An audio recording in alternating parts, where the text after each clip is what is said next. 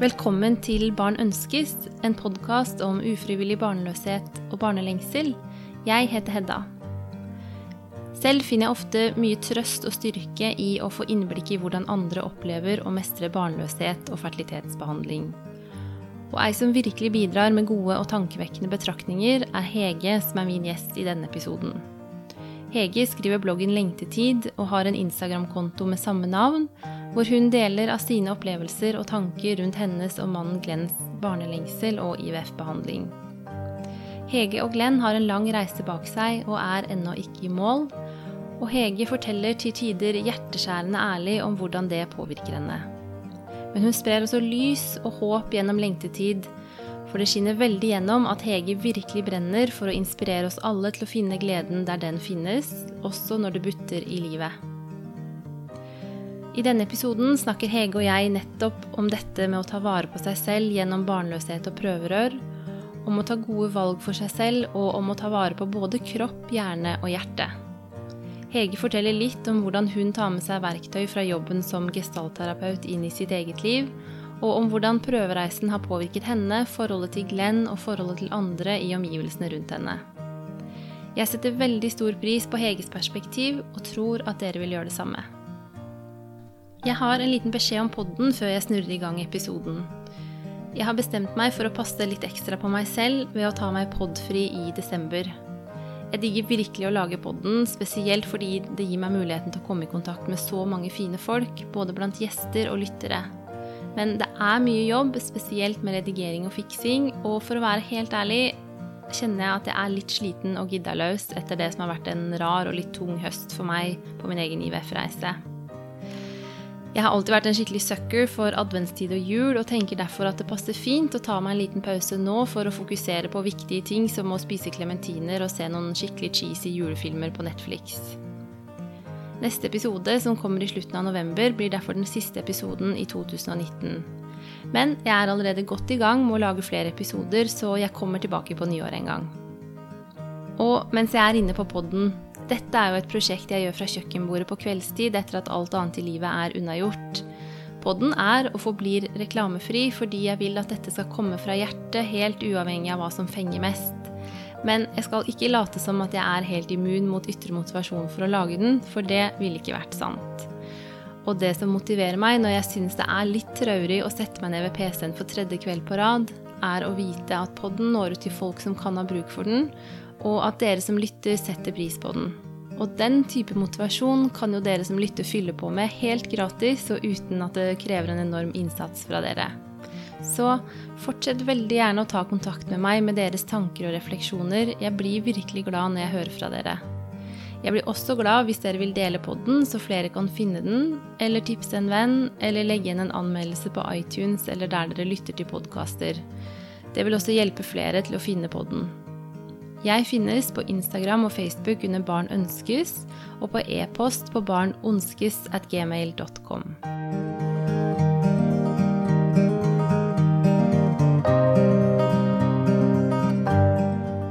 Hege. Hei. Velkommen til Barn ønskes, og tusen takk for at jeg har fått komme hit til deg i dag. Du, tusen takk for at du ville komme hit. Det er så stas. Ja. Dette har jeg gleda meg til. Men vi må begynne litt med med hvem du er. Du har jo en blogg som heter Lengtetid, og en Instagram-konto som hører til. Men eh, det er jo ikke sikkert alle som lytter, kjenner til deg for det, så kan du ikke fortelle litt om hvem du er? Ja, jeg eh, heter da Hege og er 40 eh, år. Bor sammen med Glenn her i Oslo. Jeg er utdanna sykepleier og helsesøster og gestaltterapeut. Har min egen praksis her som vi sitter nå, eh, som terapeut. Ja, og så driver jeg da bloggen Lengtetid, som starta i desember 2018. Men jeg har vært ufrivillig barnløse i mange år. Mm. Jeg, når jeg satt på toget inn i dag, så var jeg litt nysgjerrig på um, uh, hvorfor du starta bloggen. Ja, Eh, den, eh, den, tenkte jeg på en god stund før jeg starta den, og hadde veldig mange runder frem og tilbake på om jeg faktisk skulle gjøre det. Vi har vært ufrivillig barnløse i en del år, og det har vært hemmelig for de fleste. Noen få som har visst. Eh, så det å plutselig skulle gå fra at veldig få visste, til at så mange som vil lese den bloggen og vite om det, det var et eh, stort steg å ta. Jeg kjente vel kanskje at jeg syns det manglet noen nyanser i det å formidle ufrivillig barnløshet. Og så er jeg veldig glad i å formidle selv, særlig skriftlig, og hadde et behov for å fortelle eh, min egen historie og vår historie, ja, sånn som den er.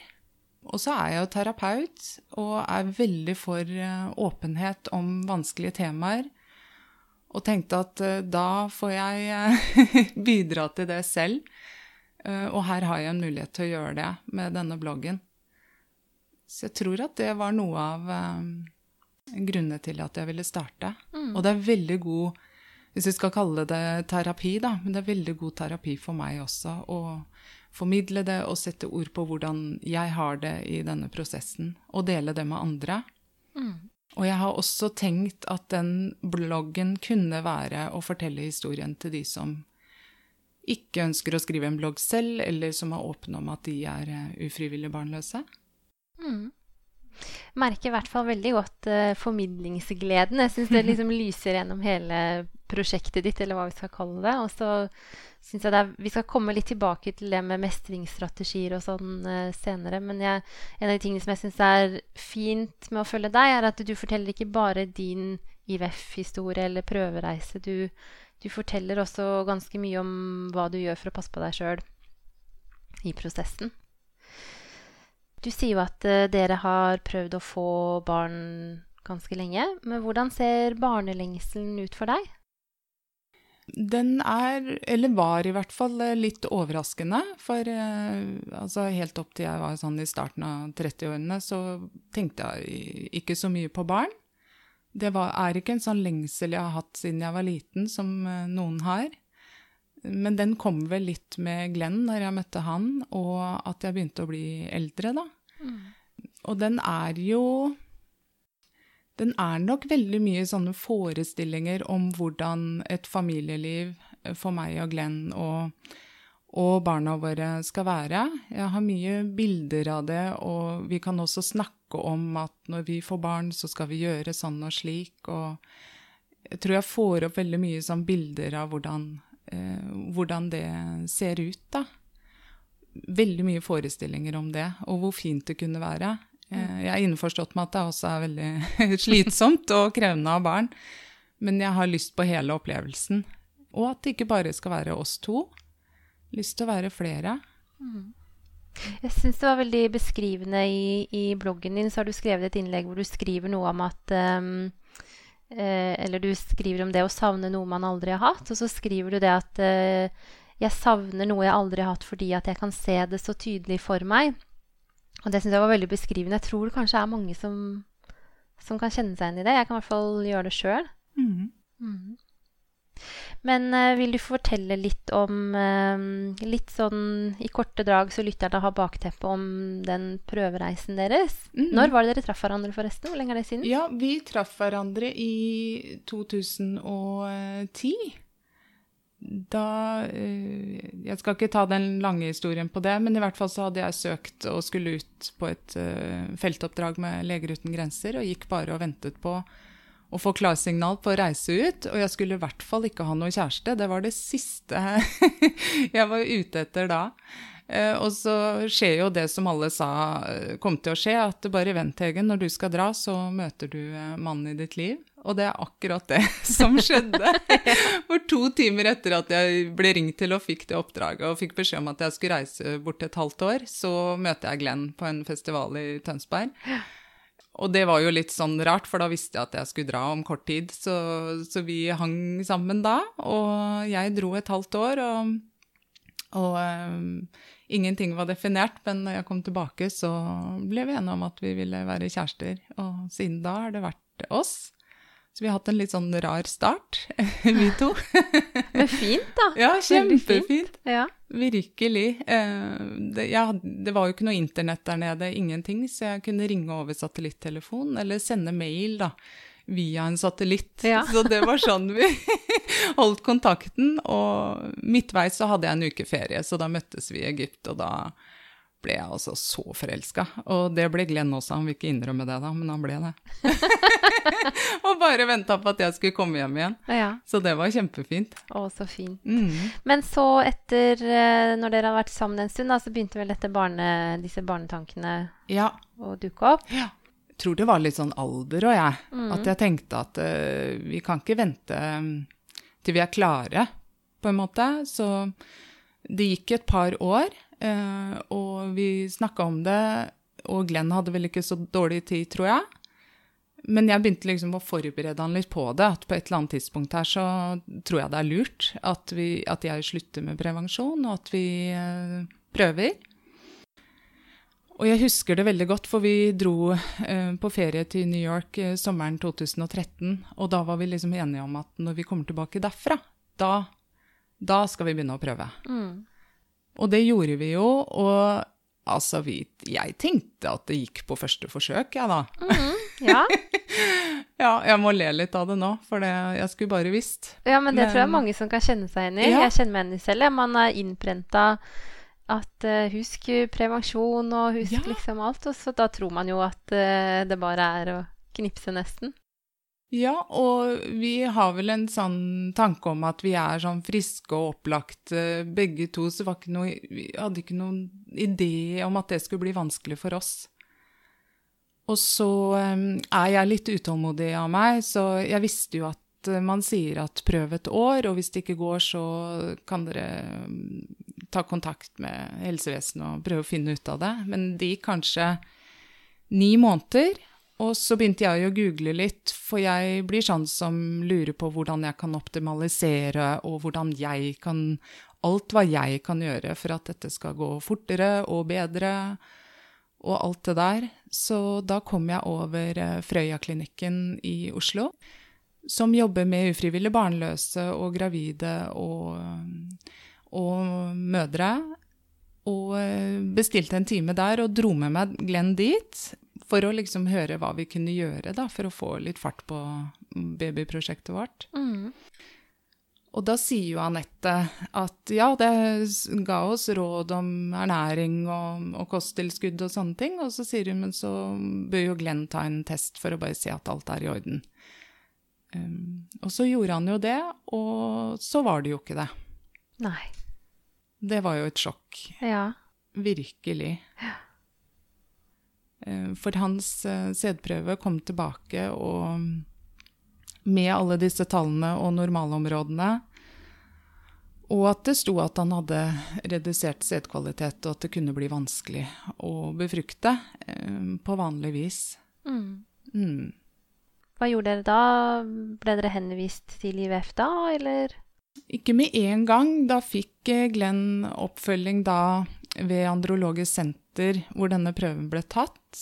Så han gikk på en kort kur med, med sprøyter og tabletter for å se om det kunne fungere, eh, og få det opp. Og sånn som jeg har forstått det, så blir det Hvis det virker, så blir det veldig bra. Og gjør det ikke det, så gjør det ikke det. Og det gjorde ikke det for Glenn, for da tok han en ny test. Og da fikk vi veldig raskt beskjed om å vurdere eh, prøverørsbehandling. Mm. Så da fikk vi henvisning da, og ble anbefalt der å søke prøverørsbehandling i Porsgrunn. Ja. Mm. Hvor, eh, hvor mange år, eller hvor lenge siden er dette sånn omtrent? Ja, det var jo litt ventetid der, så vi kom til den første samtalen eh, rundt juletider i 2014. Ja. Så siden da har vi jo vært i prøverørsbehandling, for det var den første samtalen, og så var vi ganske raskt i gang med selve behandlingen. eh, Slutten av januar eh, tror jeg jeg begynte med medisiner. Det første forsøket. Mm. Så siden da Ja. mm. Vi kunne jo ha jeg, snakka mye i detalj gjennom alle forsøk og sånn, men um, vil du ta bare litt sånn hvor, Da hadde dere sikkert tre runder offentlig i Norge, eller på, på, i Porsgrunn, og så Hva skjedde så? Ja, vi hadde de tre forsøkene vi fikk der, um, og så gikk ikke det. Og um, da visste vi ikke helt med en gang hva vi skulle gjøre videre. Det var ikke noe sånn at vi liksom hele veien gikk og hadde en plan B, eller visste hva vi skulle gjøre da. Så da var jeg veldig fortvila, eh, først og fremst, og ville prøve å finne en vei videre. Og da var det jo sånn at um, Olga uh, Fertility Clinic de var jo her på disse her informasjonsmøtene sine. Mm, dette er jo en klinikk i St. Petersburg. Ja, mm. St. Petersburg i Russland. Og da uh, ble det sånn at vi fikk en samtale med henne, hvor vi bare tok med hele epikrisen eller alle papirene fra sykehuset. Så hun fikk sett på situasjonen vår og uh, og si noe om hva hun tenkte videre for oss, og hva de kunne hjelpe med i St. Petersburg. Mm. Og så må jeg innrømme, uff, det er litt fælt å tenke på nå, men jeg hadde jo mye fordommer eh, med tanke sånn på Russland. Jeg hadde aldri vært der før. og så for meg at dette var en sånn gammel, streng eh, voksen dame eh, som kom til å skremme vettet av meg. men det var jo ikke sånn i det hele tatt. Olga er vel eh, like gammel som meg eller yngre enn meg, tror jeg. Veldig, veldig fin dame og hadde masse humor og masse varme. Og, og ga oss rett og slett håp uh, for veien videre. Så vi um, var ganske raske faktisk da til å bestemme oss for å uh, fortsette der. Ja, og da um, starta dere med forsøk i, i Russland? Ja. Og hadde, hvor mange forsøk hadde dere der til sammen? Vi hadde fire innsett der. Ja. Eh, det gikk veldig fort når vi først starta der, eh, så vi dro dit i påsken 2017. Mm. Da var det fortsatt mange som ikke visste at vi var ufrivillig barnløse og drev med behandling, så det passa bra, for da var det påske, så vi kunne late som vi var i, på påskeferie. Men uh, faktum var jo at var, vi var jo der da for mitt første egguttak. Så jeg hadde tre egguttak der i løpet av bare et halvt år. Eh, og en hysteroskopi, hvor de titter i livmoren og ser eh, hvordan ting ser ut der i forhold til at et egg skal klare å feste seg. Og så startet vi jo da på disse innsettene. Så jeg hadde fire totalt, da. Ja. Eh, og vi har vært i behandling i Russland i to år. Det har vært over en toårsperiode. Det er jo en lang periode, det. Ja. Og så kjenner jeg nå eh, Nå har jeg egentlig så mange spørsmål om Russland og behandlingen der og alt sånn, men, eh, men eh, jeg har så lyst til å snakke med deg om Eh, i dag om hvordan du har opplevd prosessen mer, og egentlig litt om uh, hva du gjør for å ta vare på deg selv og sånn. Så vi ble enige om før vi starta innspillingen her at vi går ikke så mye inn på det med utlandet, men uh, hvis det er lyttere som kjenner at uh, de også er veldig nysgjerrige på det, så, um, så, tenker jeg at det får bli en senere episode. Mm, helt i orden. ja. Gjerne det. Ja. jeg får jo en del mailer til meg også, ja. hvor de spør om, om hvordan jeg har opplevd å være i behandling der både positivt og negativt og, og sånn. Så det, jeg ser at det er mange som lurer på det. Så jeg tror at det kunne vært en uh, Men du har noen fine episode. blogginnlegg vet jeg, om det også på, på, bloggen din. Sånn at hvis noen som lytter ikke har lest bloggen din og kjenner at dette er de nysgjerrig på, så kan de jo begynne der. Ja, mm. absolutt. Jeg har skrevet uh, der. Og litt om visum og sånn, for det vet jeg også at mange har en litt sånn bøyg med å dra dit med, at, uh, med dette visumsøknad og sånn. Og så har vi jo filmet når vi har vært der.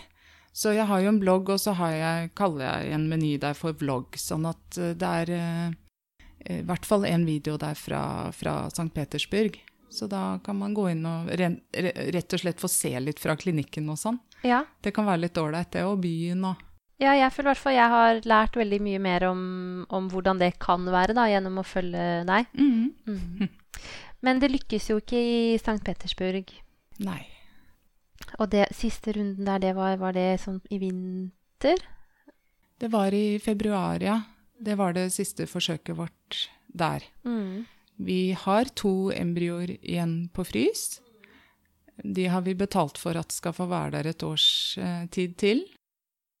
Men jeg vet Jeg kan ikke helt forklare det, men i hvert fall når ikke det siste forsøket gikk, eh, så fikk jeg en sånn veldig umiddelbar følelse at nå tror jeg ikke jeg skal tilbake dit igjen. Nei. Nå tror jeg er ferdig med behandling i Russland. Og jeg vurderte også om jeg i det hele tatt var ferdig med all behandling, for jeg var altså så sliten og lei meg og um, tenkte at Jeg lurte på om det var verdt det, og om jeg skulle bruke noe mer tid og krefter på det. Mm. Um, så så da visste jeg ikke om jeg ville fortsette i det hele tatt, men jeg fikk en sånn Jeg vet ikke om vi skal kalle det intuisjon eller magefølelse eller hva det var, på at nå er vi ferdig i Russland. Ja. Jeg har faktisk litt lyst til å lese opp et lite utdrag fra bloggen din akkurat om det, for jeg syns du beskrev det så godt. Um, jo, du skrev et, uh, et, blogginnlegg hvor du skriver om dette med hvordan dere har kommet til et valg da om reisen videre. Eh, og spesielt av det valget om å avslutte i Russland. Og så skriver du og du beskriver det så fint. I disse samtalene med klinikken la jeg stadig merke til at engasjementet mitt ikke var det samme som før, at jeg følte meg litt tilbakelent og lunken. Den litt likegyldige følelsen til datoer for nye forsøk, anbefalinger om små endringer i behandlingen og forslag om nye forsøk med egne egg eller eggdonasjon ble bare sterkere og sterkere. Og én ting ble helt klart og tydelig for meg, og det var dette. Vi er ferdig med prøverørsbehandling i Russland. Og jeg merka meg sånn det avsnittet i bloggen din, fordi jeg syns eh, at jeg hadde lyst til å spørre deg litt det, om det der med å ta valg for seg selv når man eh, hvert fall Min opplevelse da, er at når man er i et behandlingsforløp ved en offentlig klinikk i Norge, så er det ganske sånn lina opp for deg. Du trenger ikke ta stilling til så mye. Men etter hvert når man øh, kommer over i enten privat eller kanskje spesielt i utlandet, så begynner man jo å bli stilt overfor en del valg. Og jeg kan i hvert fall oppleve meg sjøl i prosessen her, så er det Jeg syns det er veldig vanskelig å navigere. Hva er det jeg egentlig trenger? Hva er det som egentlig er riktig for meg? For det er så mye tanker og følelser. Så det kan være sånn Ja, er dette er dette fordi det ikke er riktig, eller er det mest fordi jeg er sliten, eller er det egentlig fordi at det har vært mye på jobb? Altså, det skjer jo ikke i vakuum heller.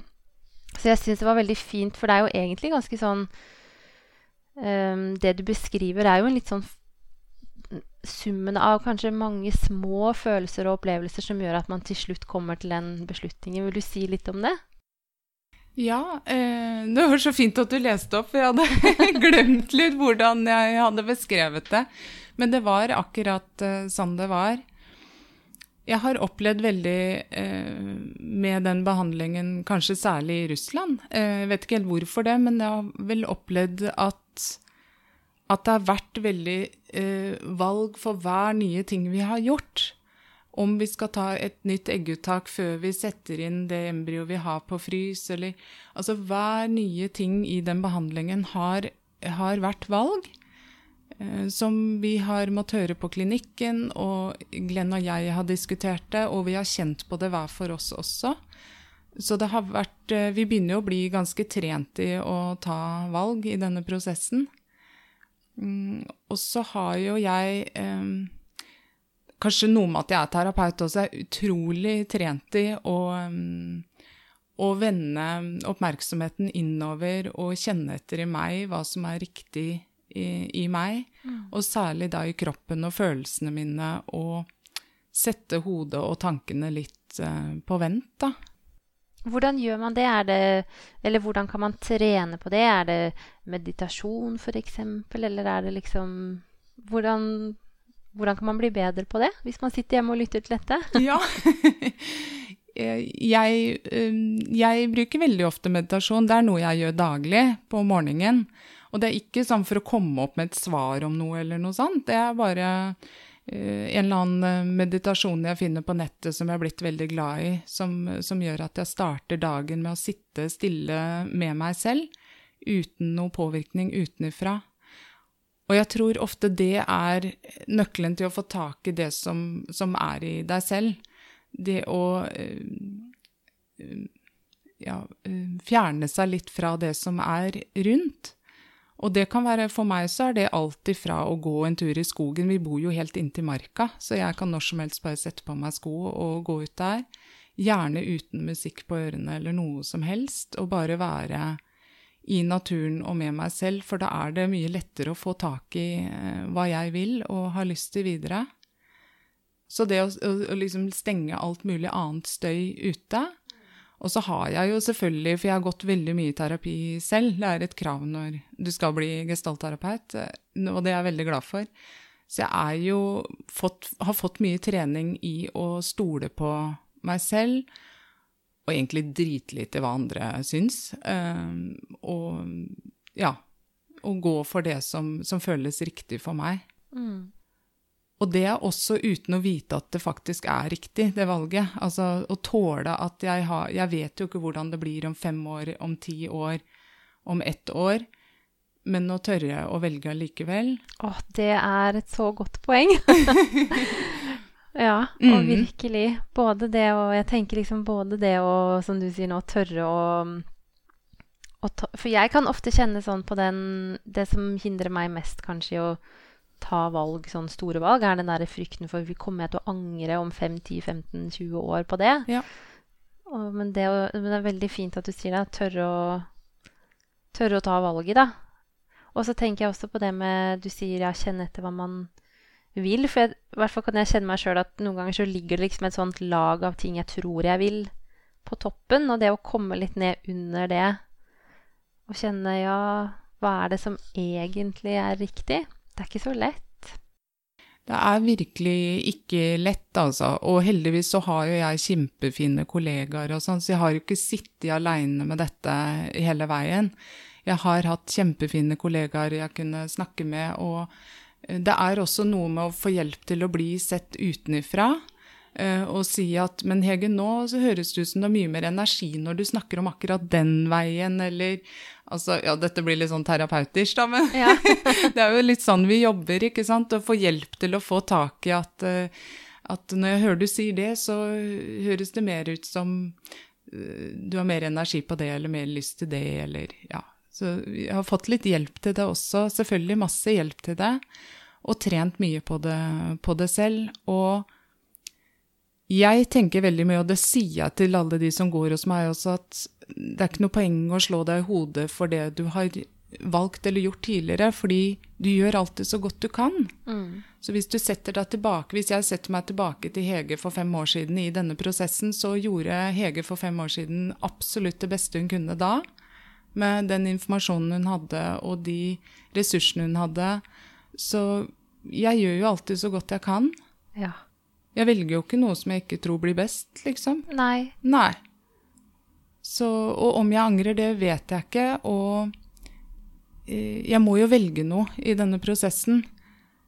For det å ikke ta et valg og bare la humla suse, det er også å ta et valg. Og ikke velge. Mm. Men jeg har nok blitt litt tryggere på det, og jobba også mye med at alt kommer til å bli bra. Uh, Det er ikke sikkert det ser ut sånn som jeg hadde tenkt at det skulle bli, men jeg jobber masse med å ha en sånn indre ro på at det kommer til å gå bra med meg, det kommer til å gå- bra med Glenn og med oss, uansett. Mm. Og det tror jeg ikke alltid på på dårlige dager, altså, det skal jeg love deg. Men Nei. Nei, nei. Har du mange mm, klienter her på, på jobben din som, som er i en lignende situasjon? jeg har en del. Mm. Um, og nå vet også noen om de Eller noen av de vet også om lengtetid og mitt barneønske.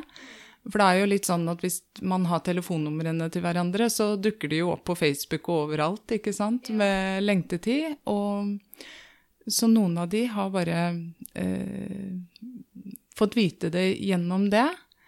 Og, og det har vært veldig, veldig fint, fordi da vet de at jeg eh, vet akkurat hvordan det er, og de trenger ikke å bruke liksom hele timen hos meg på å forklare hvor, hvor vanskelig det er, og hvor stor lengselen er. Det kan jeg møte de veldig godt på. Mm.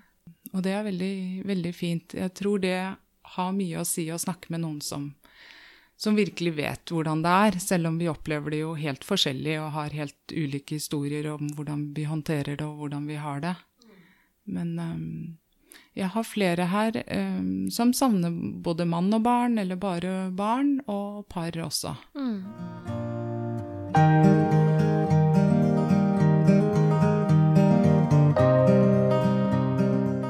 Men ehm, hvordan, ehm, hvordan har du hatt det gjennom disse prøveårene? Hvordan har det påvirka deg? Det har vært øhm, Jeg holdt på å si overraskende tungt, men nå syns jeg jo ikke det er overraskende. Men i starten så var jeg nok mest overveldet over sprøyter og medisiner og ikke, ikke fordi jeg er jo sykepleier, så jeg er veldig vant til å håndtere sprøyter og sånn, så egentlig så var ikke den biten så veldig sånn skummelt, det. Men jeg var nok mest opptatt av bivirkninger og hvordan dette skulle føles i kroppen med alle medisinene. Og ikke minst det å være pasient. Eh, jeg er jo ikke syk da, på den måten, men det er veldig uvant å være pasient og være i, i på sykehus og sånn, og ikke være den som har den hvite ja. drakta. ja. Så det er eh, Jeg ble veldig opptatt av de tingene først, men jeg oppdaget jo veldig fort at dette er jo så mye mer krevende mentalt og psykisk og følelsesmessig enn det er akkurat med det praktiske rundt behandlingen. Mm. Og jeg Det er jo å være i en livskrise i år ut og år inn og dag ut og dag inn. og Eh, det er over en så lang periode, det visste jeg jo ikke da. Og jeg husker jeg sa det til Glenn, for jeg hadde hørt om folk som hadde vært ufrivillig barnløse i seks år før det barnet kom. Og så sa jeg det er helt uaktuelt for meg, det orker ikke jeg. og nå sitter jeg seks år etterpå. Eh, så heldigvis så orker vi mer enn vi tror, og er sterkere enn vi tror, og, og holder ut mer enn vi tror. Eh, men jeg syns det har vært og er eh, kjempevanskelig. Og vondt og trist og frustrerende og slitsomt. Og altoppslukende. Mm. Jeg hadde virkelig ikke sett for meg at det skulle påvirke absolutt alt i livet. For det føles jo virkelig sånn. Mm. Det gjør ja. det. Ja. Virkelig.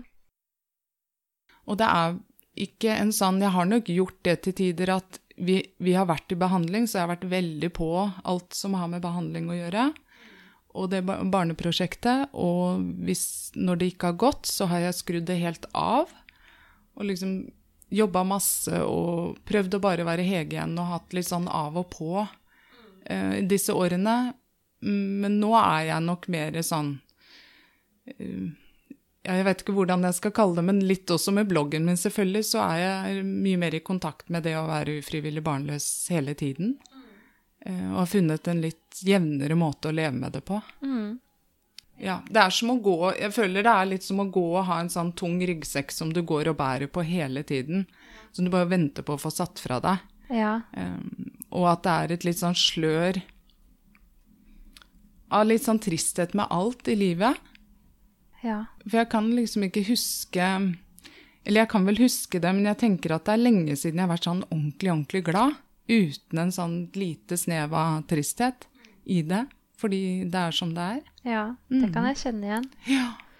Og jeg eh, merker meg også um, på bloggen din at du et par ganger har skrevet det med at man, man har en fin ferie, og så kommer hverdagen, og så er det liksom med hele tida det kommer tilbake. Og, og jeg har faktisk et, en, et, lite avsnitt til som jeg hadde lyst til å lese, hvor du skriver også veldig fint om litt um, det med at um, det kommer og går og er liksom med hele veien, men det trenger ikke å være um, Det trenger ikke være noe som har skjedd. Det trenger ikke å være et negativt forsøk eller Men for du har I august så skrev du at du hadde hatt en veldig flott sommer, og at du til og med har begynt å lure på om du har blitt en lykkelig ufrivillig barnløs. ja.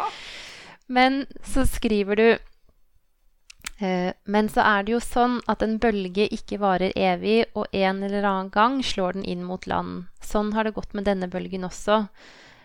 Det har ikke skjedd med et smell, men de siste dagene har jeg sakte og sikkert kjent at ro har blitt mer og mer til uro, håp har blitt mer og mer til tvil, optimisme har blitt mer og mer til usikkerhet, tillit har blitt mer og mer til redsel, og glede har blitt mer og mer til stress. Jeg vet så godt at prøverørsbehandling og lengtetiden er en berg-og-dal-bane, men jeg hadde håpet at oppturen som har vært i sommer, skulle bare fortsette og fortsette så lenge vi ikke opplevde en ny nedtur. Og det kjenner jeg også så igjen i den der eh, at man kan bli sånn Hvorfor, hvorfor har jeg det ikke bra nå? Nå er det jo pause, og mm -hmm. vi har hatt det så fint, og ja. ja. Det er veldig godt beskrevet, syns jeg. Mm. Og at det ikke trenger å liksom tre, I hvert fall opplever jeg at sånn etter en stund da, så blir det liksom ikke sånn at det nødvendigvis bare er en stor nedtur når noe ikke lykkes, og så er det business as usual, på en måte. Nei, virkelig ikke. Um, og det tenker jeg er um, Det var jeg heller ikke forberedt på, at det skulle være, være sann. Uh, og jeg tror kanskje mange av de rundt oss uh, kan bli litt sånn opptatt av det praktiske, at når er det nytt forsøk, og hva skal dere neste gang, og er kanskje litt sånn på alerten rundt da. Mm. Men nå som vi har hatt en veldig lang pause siden februar, mars, så, så blir det litt stille om hele prosessen, og, og jeg legger merke til at, uh, at, det kommer sånne bølger med nedturer allikevel, selv om vi ikke har gjort, eh, tatt en sprøyte, eller ikke, det har ikke skjedd noe siden sist. Mm. Så det kommer og går litt. Mm. Det gjør det. Mm. Ja, og jeg, jeg kjente jeg ble litt sånn glad for at du satte ord på det, for jeg tror jeg tror liksom ikke det er uvanlig heller, at det er sånn.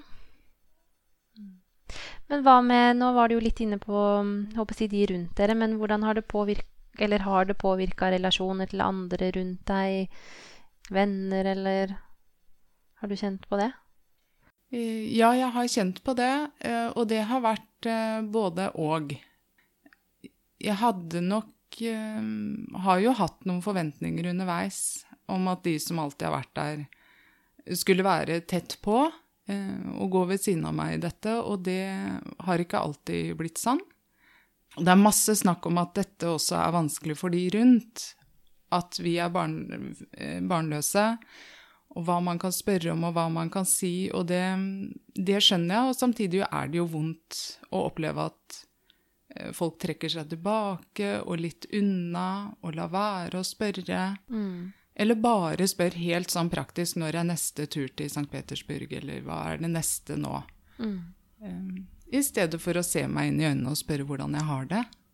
Det syns jeg har vært vanskelig, og det endrer jo litt på relasjonene, for jeg er så um, oppi dette at det kan bli litt vanskelig for meg i perioder også å være sammen med de som syns dette blir veldig ubehagelig. Mm. Men så er det jo heldigvis også sånn at de du ikke hadde noen forventninger til, plutselig dukker opp sånn borte i periferien. Og, og, er skikkelig på å sende meldinger og spør hvordan det går, og bare ønske meg en god dag. Um, og ikke minst etter bloggen. Ja. Altså, jeg, altså, de fine, fine, fine folka. Jeg har aldri sett de før. Og for en støtte støtte og for en varme og kjærlighet. Og jeg har ikke opplevd maken. Jeg er rørt daglig til tårer av, av, fine folk som jeg aldri har møtt engang. Som, som virkelig er der og, og, forstår og vet. Og det siste forsøket vårt som ikke gikk, da da ga jeg uttrykk for det på bloggen, selvfølgelig, at, at det var kjempevanskelig og vondt. Og Våkner en dag til at det er frokost på døra, som frokostlevering av noen jeg aldri har møtt engang. Ja. Altså, det er helt uh, har nesten ikke ord. Nei. Så det, det, har påvirket relasjoner jeg allerede har hatt, men også nye relasjoner som jeg ikke hadde hatt hvis ikke vi ja. hadde vært i dette. Ja. Så det, det er litt både og. Ja det er eh, Jeg har tenkt på det, men ikke så tydelig som du uttrykker nå. Men jeg også Det er jo en veldig sånn community på en måte på Instagram hvis man, eh, hvis man ønsker det. Mm. Og jeg også merker gjennom poden så har jeg liksom fått noen nye eh, som jeg snakker litt ekstra med. Kanskje fordi at man er litt i en lignende situasjon, eller man, det er et eller annet som stemmer litt, da. Um, og så er det jo ikke sikkert at vi nødvendigvis kommer til å ha kontakt til vi blir 80 år. Men eh, det er noe veldig fint i å støtte hverandre litt eh, nå, da, fordi at man virkelig kan forstå hvordan det er. Ja, det er veldig Det er bare så fint. Ja. Eh, virkelig. Og det er jo noe av eh, fordelen med internett. Det er mye, mye om internett, men altså, det tenker jeg er virkelig en fordel. At, at uh, det ikke må være i sånn umiddelbar fysisk nærhet, men du kan virkelig få kontakt med folk over hele verden som, som er i samme situasjon, og som, som er helt vanlige, oppegående, fine folk som deg sjøl. Mm. Ja. Hvordan, hva med parforholdet, da? Hvordan har det påvirka deg og Glenn som par? Ja eh, Det er ikke til å unngå det at det påvirker. Jeg jeg, jeg syns det var utfordrende i starten av mitt og Glenn sitt forhold, fordi det er som om natt møtte dag. Ja. Altså, vi er så uh, forskjellige at det var eh, Vi brukte litt tid i starten på å liksom komme sammen og finne sammen eh, til det forholdet vi har nå. og Om det skulle bli oss to. Det var mange ganger jeg tenkte at det her går jo ikke, eh, rett og slett. Og så har jeg jo gått og ønsket meg et litt sånn sterkere vi. Fordi vi er så forskjellige, så, så har jeg liksom tenkt at vi trenger å være litt sånn mer team, og vi trenger å være litt mer vi. Men altså, be careful what you wish for, sier jeg bare. For vi fikk et sånn veldig vi-prosjekt som, eh, som var litt mer enn jeg hadde ønska meg. Ja. Men eh, Så det er jo utfordrende. Og også at vi er så forskjellige eh, i dette. For Glenn og jeg forholder oss veldig mye forskjellig til, eh, til eh, alle forsøkene og, og hele prosessen. Eh, Så det kan være litt vanskelig eh, i seg selv. Men det kan også være veldig fint, fordi eh, Glenn kan dra meg opp når jeg er nede, og omvendt, og vi kan være den som som ser det fra en annen vinkel når den andre har kjørt seg litt i fast.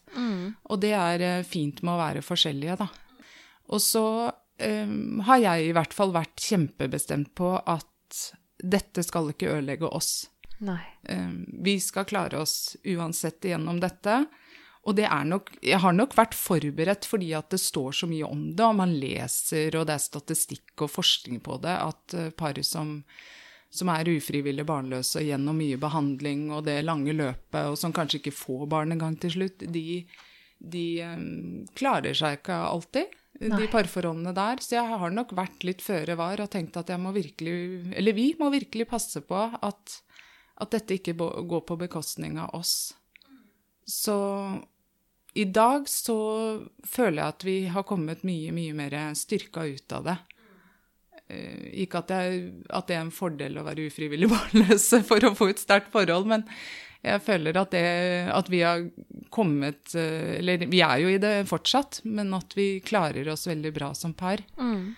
Og, og det er viktig for meg at ikke For det blir så tap-tap, det. Hvis vi ikke får barn, og hvis, hvis vi går i stykker i tillegg. Altså, det er det verste jeg kan tenke meg. Da er alt ødelagt. Mm. Så det er, eh, det er jeg veldig opptatt av. Eller vi er det. Mm. Og så har vi jo Det har jo gått seg til ikke sant, med å være så mange år i behandling at nå nå kan vi det litt, og vi, vi kjenner hverandre i den prosessen. Og det er fint, det også. Mm. Det tror jeg er også veldig riktig, det at man i hvert fall hvis eh, Jeg vil jo kanskje tippe at du som terapeut og at dere kanskje er At dere bruker litt tid på å greie ut det der med hvorfor reagerer du annerledes enn meg nå, men jeg jeg kjenner det sånn at, for at hvis man ikke klarer å sette ord på noe av det, så kan det jo bli en veldig barriere, vil jeg tro. Hvis man bare tenker 'men hvorfor er ikke du der hvor jeg er?' Men hvis man klarer å snakke om det og, og forstå hverandre, så blir man jo også bedre kjent. Og det er jo absolutt ikke den eneste som sier at man har en opplevelse av å komme sterkere ut av det som par. At man blir mm, Man lærer hverandre enda bedre å kjenne på godt og vondt, da. Mm.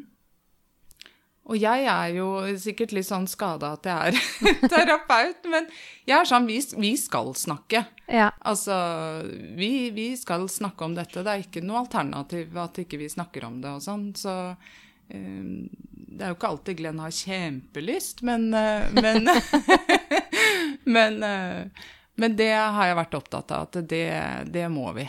Det bare vet jeg at det er bra og kjempeviktig. Så det, det har jeg pusha litt på. Ja. Og nå går det mer av seg selv. Men det virker også som For en ting er jo å snakke om det og ha liksom eh, åpen linje og sånn, men det, eh, når man følger deg da på Instagram, så får jeg jo også inntrykk av at dere er flinke til å eh, ta pause fra det, finne på andre ting sammen, dra på tur i marka, eh, skape liksom andre opplevelser også, gi hverandre litt fri fra det. Er det riktig? Ja, det er helt eh, Det er akkurat sånn det er. Eh, fordi jeg også vet at uh, noen ganger så kan vi trenge å bare være sammen og ikke snakke om det, og Glenn kan ha lyst til å ikke snakke så mye om det, og, og jeg også uh, i perioder. Så vi er uh, Det er vi faktisk veldig flinke på. At vi, ikke at vi avtaler liksom fredag morgen at i hele dag skal vi ikke snakke om det. Men at vi ikke mm, trenger å sitte og, og, diskutere og snakke og finne ut og fikse og ordne hele tiden. Tenker sånn som vi var, vi var, på tur i Lofoten i sommer, og det var sånn telttur og toppturer og mye som skjedde. Jeg tror nesten ikke vi snakket om det. Om at, vi, om at, vi, skulle hatt barn, eller uh, denne prosessen, eller hva gjør vi videre. Var, jeg tror nesten ikke vi snakka om det. Mm.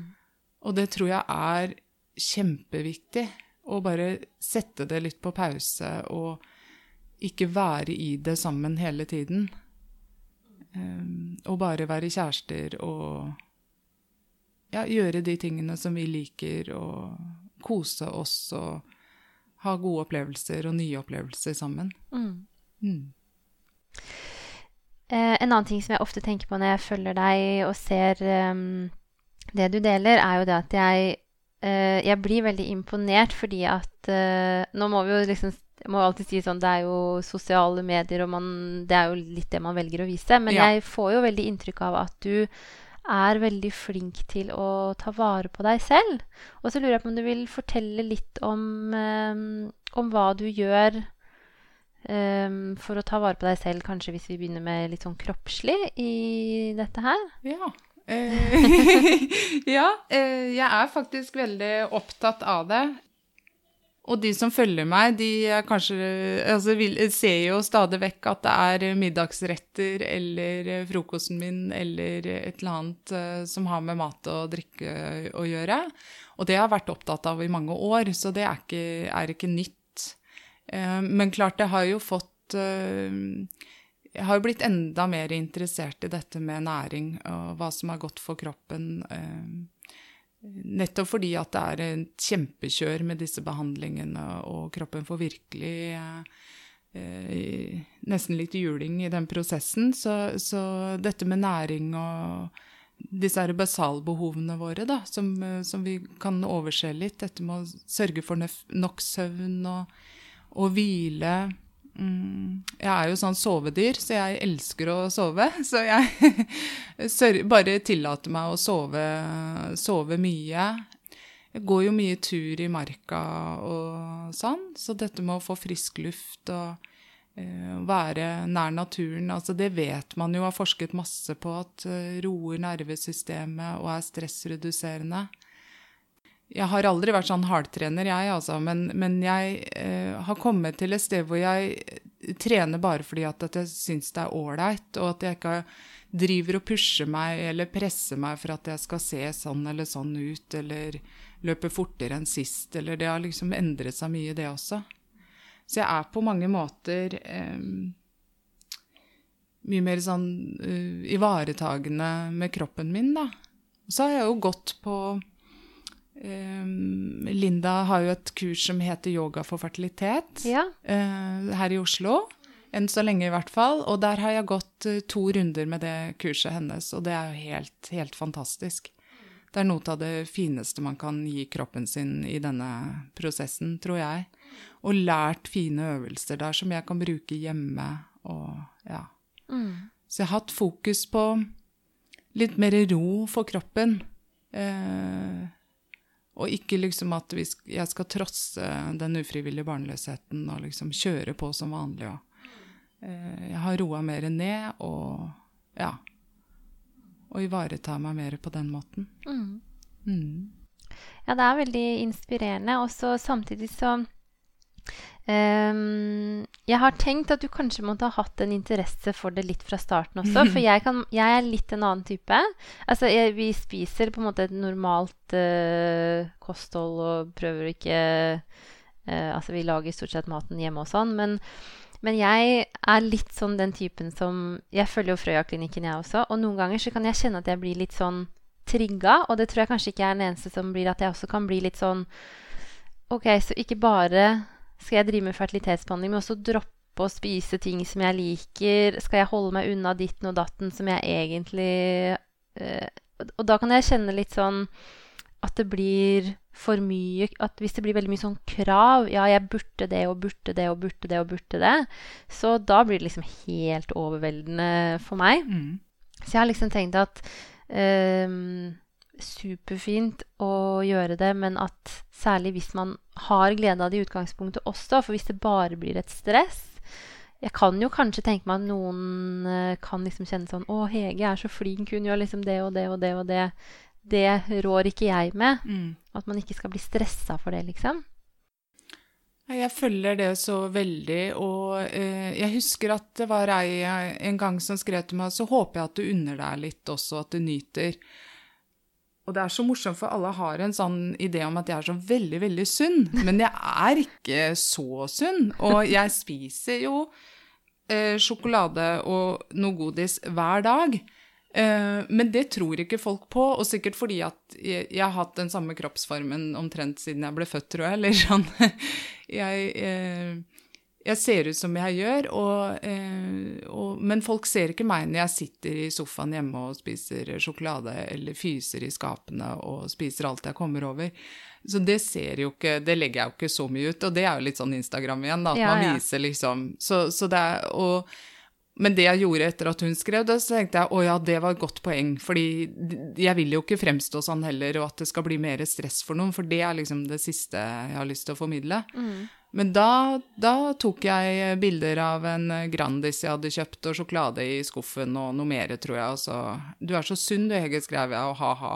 Ja. ikke sant? Så det er eh, noe med å vise det også. Men Ja. jeg er litt sånn i perioder, for jeg kan, jeg kan hive meg på sånne sånn Ingenting av gluten, ingenting av melkeprodukter, ingenting av sukker omtrent. Eller det går jo ikke, da, det hører jo alle. Men eh, alle sanne ting. eh, fordi jeg har så innmari behov for å føle at jeg gjør noe riktig Ja. i denne prosessen, og at jeg gjør At jeg kan liksom med hånda på hjertet si at jeg har gjort absolutt alt jeg kunne for at denne babyen skulle komme. Mm. Så jeg veksler litt mellom det. Eh, Men så håper jeg også at folk så når jeg var i Italia f.eks. Nå, i- nå i høst sammen med venninnene mine, at da, da var det pizza og pasta hele døgnet, og vi hadde en vinkjeller hvor vi kunne hente hvor mye vin vi ville. Oh. Og det gjorde vi. Ja, Så Det hørtes fint ut. det var veldig, veldig fint, for da kjente jeg at da hadde jeg hatt en sånn hel sommer med liksom ikke noe gluten, ikke noe melkeprodukter og sånn. Det går ikke å dra til Italia på en vingård Nei, det blir eh, og ikke spise gluten og, og melkeprodukter og vin. Så, så da hadde jeg sånn Ja, da spiste jeg alt jeg kunne. eh, og drakk masse vin og kosa meg. Ja. Så, men jeg, jeg følger den at, at eh, det kan bli så mye fertilitetstips også. Jeg har funnet sånne oversikter hvor det er 78 tips ikke sant, til hva du skal gjøre, for dette gjorde jeg, og så ble jeg gravid. Altså, da er jeg nesten dette ned av stolen, altså, for jeg blir så overvelda av det. Eh, men det er jo å finne den Balansen er litt sånn vanskelig ord, men å, å finne det stedet hvor det er hvor du selv klarer å håndtere det der med å få noen sånne råd eller tips, for det finnes det jo, kontra det å ta helt av og at det bare blir stress. Og der driver jeg og balanserer stadig vekk, altså. Så jeg har brukt uh, mange år ja, på å finne liksom denne uh, Ja, litt sånn balansen i det. Mm. Og det varierer litt også. Noen ganger blir jeg helt sånn Nå skal jeg kutte ut alt av alt og, og sånn, og bli helt sånn uh, nazi på det. Og så andre ganger så tenker jeg nei, denne her ufrivillige barnløsheten skal jo søren ikke begrense livet mitt i tillegg. Mm. Altså den skal ikke få ødelegge for fredagskosen eller et eller annet. Ja. Så litt sånn som du sier, at jeg kan jo kjenne at jeg blir litt forbanna, fordi at alle andre kan jo drikke hvor mye kaffe og alkohol de vil, og eh, hvorfor skal jeg holde på med dette? Og så må jeg det, og så blir jeg dobbelt straffa fordi jeg sliter med å bli gravid i tillegg. Mm. Så ja. Men jeg liker den. Det var, du skrev her om dagen så skrev du noe om at liksom eh, Det å kanskje ha litt tro på at det som er godt for meg, er godt for fertiliteten min. At man kan eh, kjenne litt etter på det at uh, hvis det bare blir stress og skulle ha en sånn eller sånn diett eller en sånn eller sånn treningsregime, så er det ikke godt for meg, egentlig. Mens uh, det som på en måte kjennes bra og riktig, det er sannsynligvis det. Mm. Mm. Jeg tror veldig på det. og jeg tror det er der jeg uh, etter hvert har landa litt i alt dette jeg skal gjøre for å bli gravid. Så tror jeg dette med hvis, hvis jeg tenker sånn at dette som er god helse generelt, eh, da tror jeg at, jeg at, det er bra for fertiliteten også. I stedet for å finne sånne superrare uh, tips. Masse, det fins jo masse av det, som veldig spesifikke greier. Ananas og ja, ditten og datten. Ja. ja, ikke sant. Sånne, sånne ting. Um, og da har det vært greit å lande på litt mer sånn vanlig tenke god helse.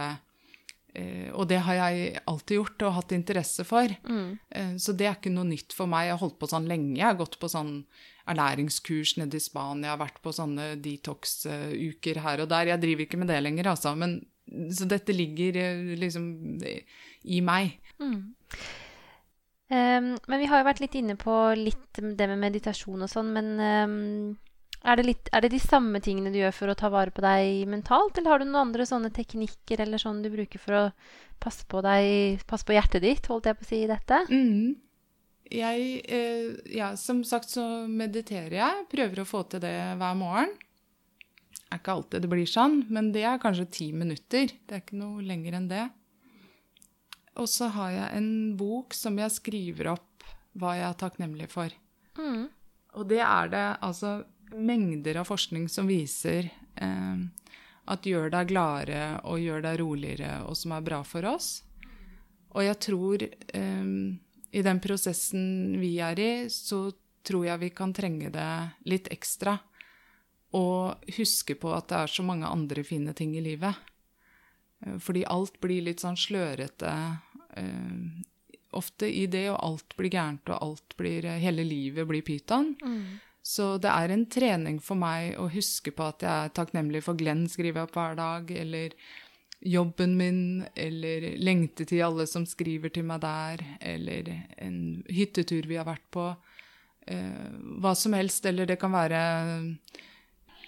en kopp kakao som var kjempegod. Det bør ikke være så stort, men eh, jeg øver meg på å, å være takknemlig og sette pris på alt det andre fine som er i livet. Det tror jeg er veldig, veldig viktig. Mm. Og du hadde jo det glasset. Ja! Som var så fint. Mm -hmm. Et glass som du fylte med Det var vel også takknemlighet? Ja.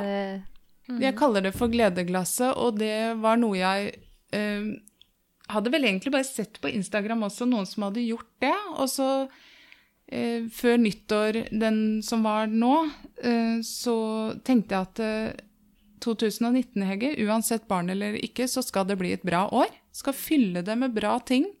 For den her eh, barnebabyprosessen, den går jo sin gang, men, eh, men, jeg må sørge for at jeg har et fint år allikevel. Så da eh, fant jeg frem et norgesglass og bestemte meg for at hver kveld når jeg står og pusser tennene, så skal jeg skrive opp hva som har vært eh, magisk i dag, eller en fin ting. Og det er også noe Ja, det er også det samme, ikke sant. Og, og, tenk, og da må jeg automatisk tenke gjennom hele dagen min og velge mellom fine episoder. Og da kommer jeg jo på at det har vært flere enn én ting som har vært fint i dag. Og noen ganger har det bare vært én ting, for da har det vært skikkelig drittdag. Ja. Um, og da var det fint, ja, Nå er det fritt etter hukommelse, men det var fint, for du skrev sånn med liksom du sier nå, at noen dager så var det liksom fine 40-årsdag og fine opplevelser og sånn.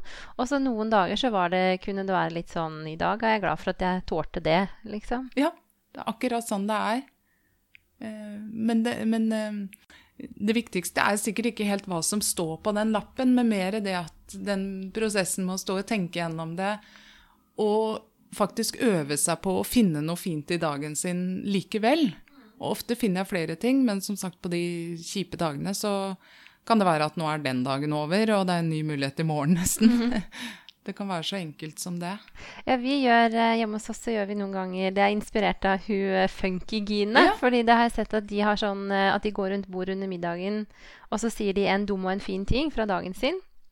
Så det gjør vi hjemme ofte, da. Også, og, og, da i det siste har jeg lagt merke til at uh, selv om jeg egentlig har hatt en ganske tung periode nå etter sommeren, så er det ganske mange dager hvor jeg sier sånn I dag har jeg egentlig to fine ting, og så kommer jeg ikke på noen dum. Herlig. og, da, og, når det er noen sånne dager på rad, tenker jeg sånn Ja, men da kan ikke være så gærent, da. kan ikke det, da. Nei. Nei. Så det er en sånn Ja, man blir liksom litt bevisst. Mm. Mm -hmm. Jeg, øh, dette er jo sånn hjerneforskning og sånn, men man går jo opp noen nye stier, nervebaner og sånn i hjernen når du øver på noe nytt. Mm. Og det blir jo mer vane, ikke sant, etter hvert, og, øhm, og, og øve på å se etter de fine tingene.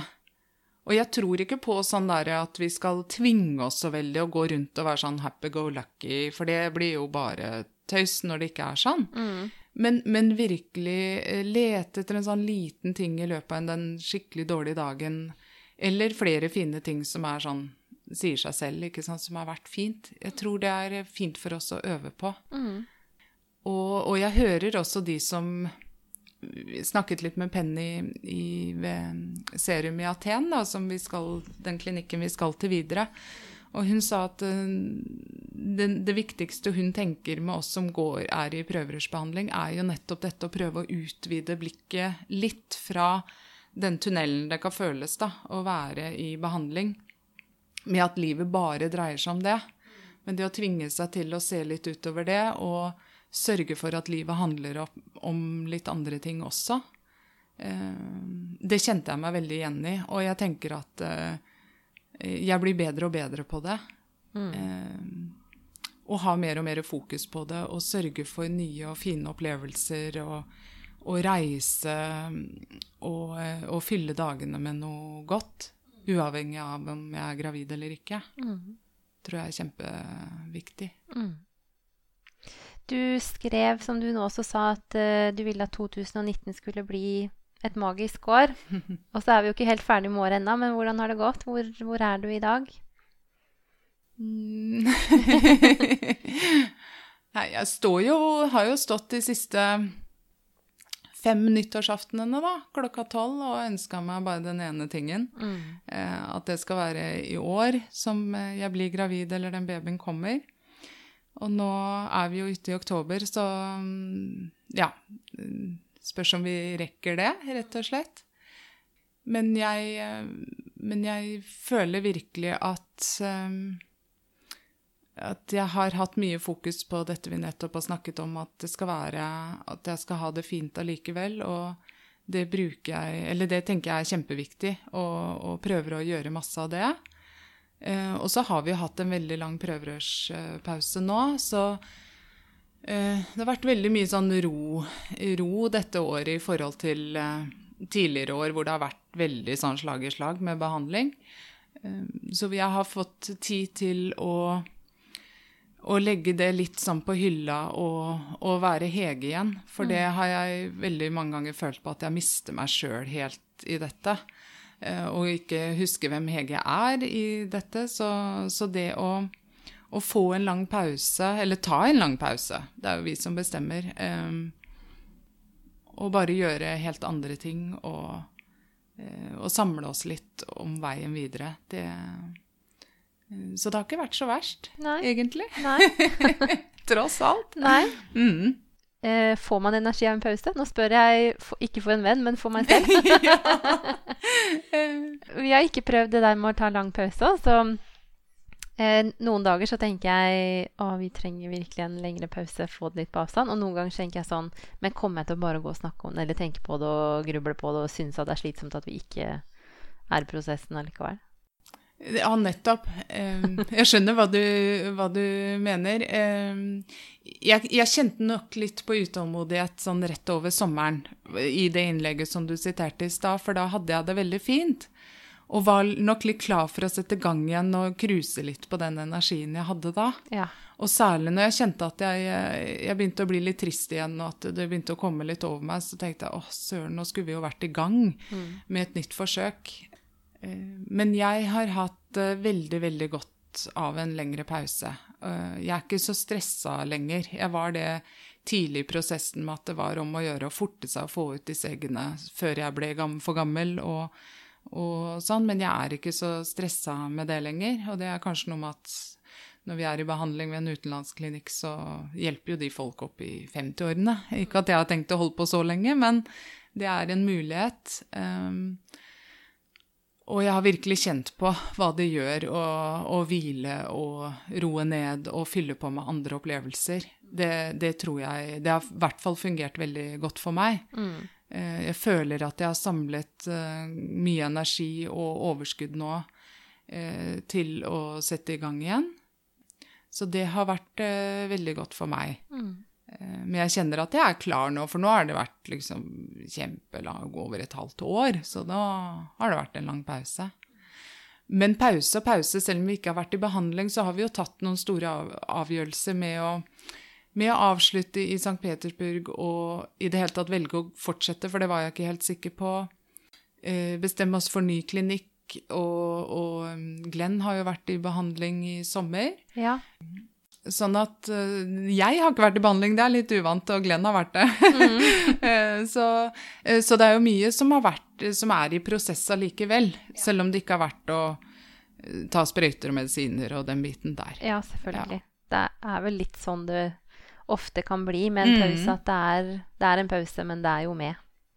Mm. Um, nå har vi snakka sammen i over en time allerede. Tida flyr. Å, herlighet, ja. det gikk fort. Men er det noe mer du har på hjertet som du føler du ikke har fått sagt? Oi. Nå føler jeg at jeg bør komme på noe sånn veldig lur, lurt å si på. Ja, det dårlig til å svare sånn. ja. uh, nei, jeg, jeg, har bare lyst til å minne meg selv og deg og, og de som hører på um, at vi er mange som kjenner oss igjen. Altså, jeg, jeg har skjønt nå at jeg ikke er aleine om å være ufrivillig barnløs. Det har jeg skjønt. Men jeg har også skjønt at vi virkelig kjenner på de samme tingene, har mange av de samme tankene. Eh, og det har vært eh, veldig, veldig fint.